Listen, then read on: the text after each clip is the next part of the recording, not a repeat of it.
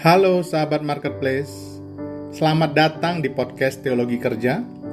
Kali ini saya akan mengulas tentang buku Taking Your Soul to Work dari bagian bab keresahan yang ditulis oleh Paul Steven dan Alvin Eng.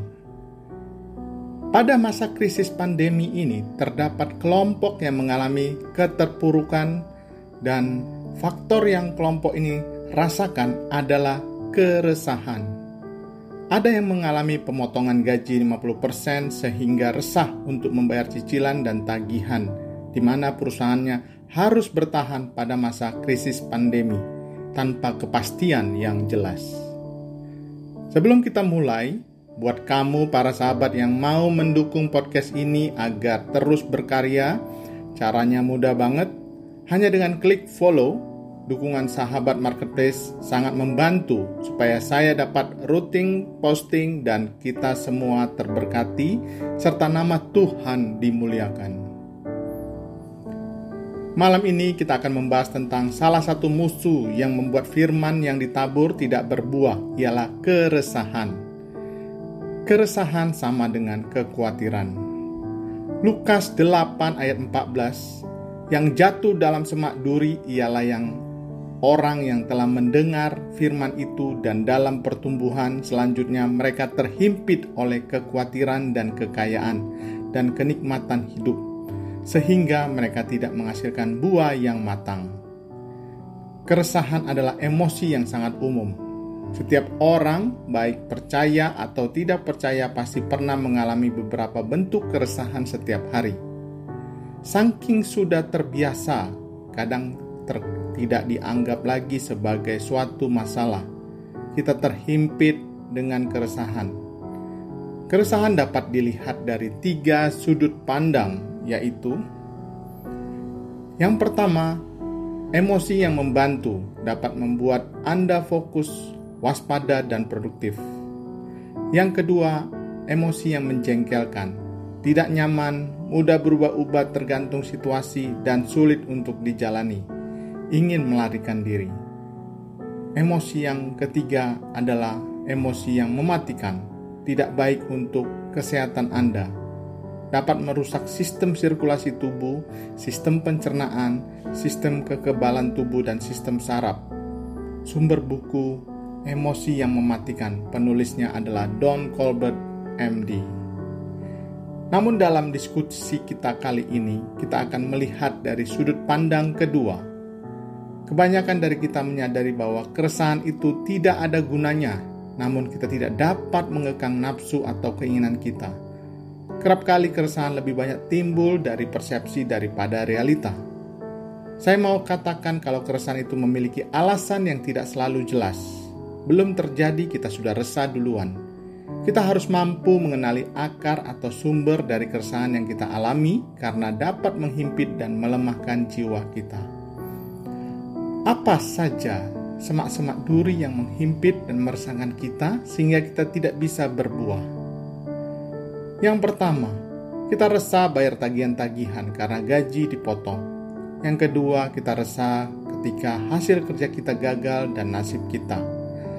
Yang ketiga, kita resah mendengar gosip dan apa yang dipikirkan orang lain. Empat, kita resah menghadapi bos dan rekan kerja yang toksik. Lima, kita resah masih menganggur dalam tempo lama. 6. Kita resah karena orang tua menuntut dan memiliki pengharapan yang tidak mampu kita wujudkan. 7. Kita resah tidak menemukan jalan keluar dari kekacauan yang kita timbulkan. Dan kedelapan, kita resah karena masih hidup pas-pasan dan berharap cepat kaya raya. Sadarkah kalian sahabat-sahabat bahwa setelah kita menyelesaikan masalah dalam kuadran A, kita mulai merasakan masalah di kuadran B. Kemudian kita menyelesaikan masalah B itu, tetapi kita menemukan lagi masalah di kuadran C. Keresahan itu terus-menerus di lingkaran tertutup dan berputar-putar, tidak ada habis-habisnya. Ten Boom Orang Kristen dari Belanda yang selamat dari pembantaian Nazi berkata, "Kekhawatiran tidak akan mengosongkan hari esok dari masalah-masalahnya. Itu hanya mengosongkan hari ini dari kekuatannya." Oleh karena itu, jangan biarkan benih firman Allah dalam hati kita terhimpit oleh keresahan sehingga tidak bertumbuh. Lalu bagaimana caranya untuk menang terhadap keresahan? Apakah ada tip-tipnya? Saya akan ceritakan pengalaman saya yang persis berkaitan dengan ini. Ketika saya sedang mempersiapkan bahan ini, Tuhan seperti memperingatkan saya pada suatu situasi di mana saya pernah melarikan diri dari dua masalah dari dua tempat kerja yang berbeda. Saya akan ceritakan satu saja kepada sahabat-sahabat pada saat itu sebagai seorang sales engineer, saya dengan hebatnya mampu memenangkan satu tender besar di salah satu perusahaan minyak di Indonesia. Saya sangat bangga dan besar kepala.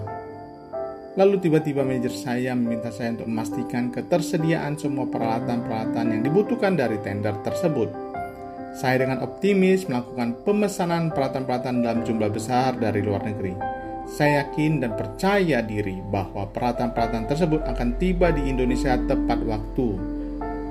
Ketika tenggat waktu sudah mendekat, saya mendapat kabar dari orang yang mengurus importasi peralatan-peralatan tersebut bahwa semua peralatan ditahan di bea cukai. Saya masih tetap optimis, namun setelah dua minggu berlalu saya mulai resah karena semua peralatan masih bertahan dan tertahan dan agen yang membantu telah lepas tangan.